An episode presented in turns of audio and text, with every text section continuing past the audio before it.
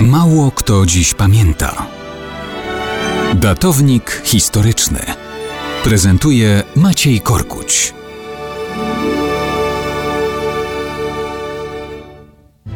Mało kto dziś pamięta, że dokładnie 1010 lat temu wojska krzyżowców stanęły pod murami Jerozolimy. Rozpoczęło się pierwsze oblężenie miasta. Była to pierwsza wyprawa krzyżowa europejskiego rycerstwa, rozpoczęta w roku 1096.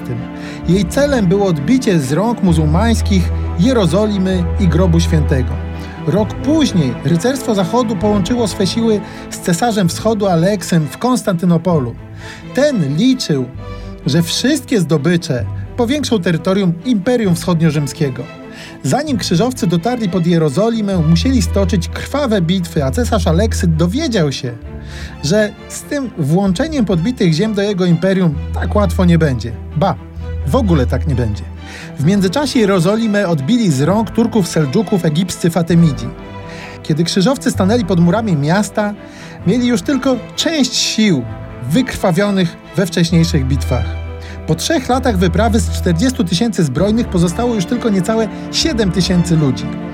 Sprzyjały im konflikty wewnętrzne po stronie muzułmanów.